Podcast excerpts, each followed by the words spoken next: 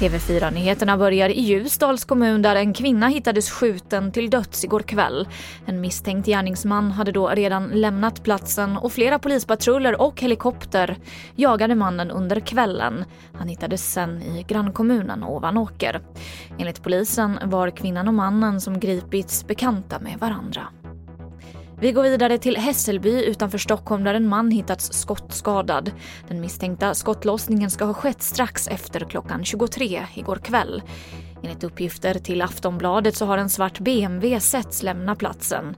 Händelsen utreds som mordförsök och ingen person har gripits. En kraftig brand bröt ut i en skola i Hjärup i Staffanstorp sent igår kväll. Ungefär 40 brandmän kallades till platsen och det blev en kraftig rökutveckling. Ingen person ska ha kommit till skada. Och jag avslutar med att berätta att samtidigt som coronapandemin har lett till kraftigt minskad försäljning av nya bilar så märks nu en ökad försäljning av begagnade. Det här rapporterar SVT om.